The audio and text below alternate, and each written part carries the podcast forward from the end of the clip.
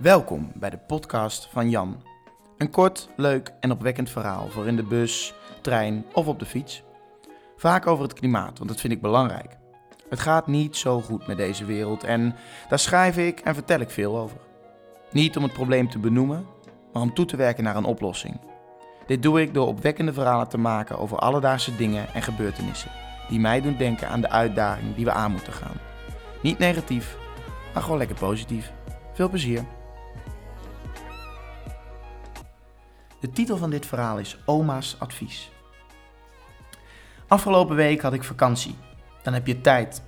Ook tijd om koffie te gaan drinken bij je oma. En dat deed ik dan ook. Weet je wel, mijn oma is zo'n zo'n eh, hippe oma met een iPhone en een iPad zonder dat ze weet hoe het eigenlijk werkt. Maar goed, wat ze wel heel goed kan, is praten. Uren achter elkaar. Voor een gesprek moet ook gesprekstof zijn. Mijn oma leest dan ook elke dag de krant en is op de hoogte van alles wat er zich in de wereld afspeelt.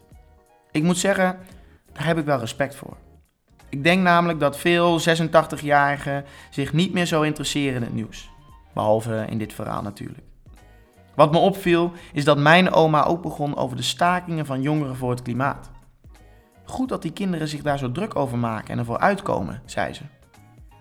Op dat moment verzonk ik in gedachten naar afgelopen november, toen ik bij Glow in Eindhoven, een lichtfestival, naar een bijzonder kunstwerk keek.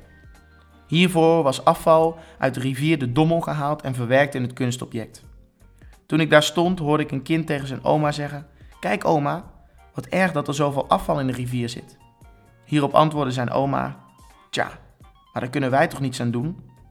Kijk, ik als twintigjarige weet niets over opvoeden. Maar zo moet het volgens mij in ieder geval niet. Afijn, ik zat nog steeds bij mijn oma aan de koffie, die inmiddels al koud was geworden. Ik vertelde dit verhaal en we kwamen samen tot de conclusie dat dit precies de reden is waarom jongeren moeten opkomen voor hun idealen en hun mening. Misschien nog wel belangrijker, voor hun toekomst. Dat is namelijk waar dit over gaat. Oma ondervindt de gevolgen van klimaatverandering misschien niet, maar haar kleinzoon wel. Helaas voor jongeren bestaat de regionale en nationale politiek vaak uit ouderen die misschien niet altijd de urgentie inzien van het toekomstige klimaatprobleem, maar het economische nu voorop zetten.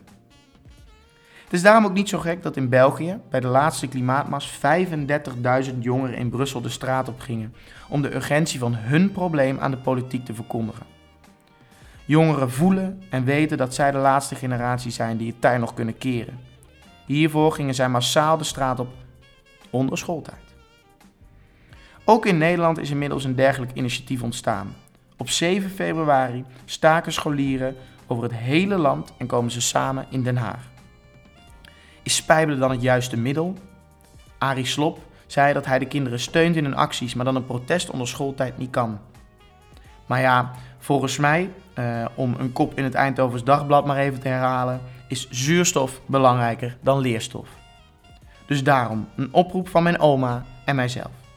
Ga vooral de straat op of laat uw kind gaan op 7 februari, want wat is een protest als het zou mogen? Spijbelen voor het klimaat. Een betere reden bestaat niet. Dank u wel.